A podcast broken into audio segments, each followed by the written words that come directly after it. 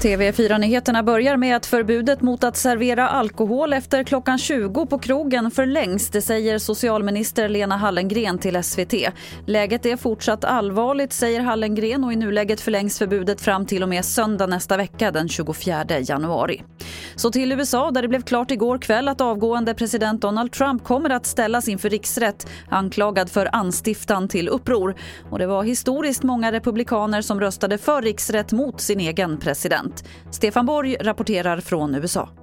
Det här ger en föraning om vad som kommer att hända i senaten som ju avgör eh, hur det går i den här riksrätten. Till att börja med så kommer det inte att ske i närtid utan Mitch McConnell som är majoritetsledare för Republikanerna har sagt att han tänker inte kalla in senaten i förtid utan det blir från och med den 19 eh, januari som, som det kan börja hända saker.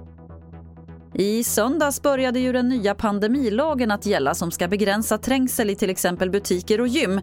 Men hittills är det få länsstyrelser som gjort några kontroller. 11 av 15 länsstyrelser som SR pratat med har ännu inte utfört några kontroller. Det var det senaste från TV4 Nyheterna. Jag heter Lotta Wall.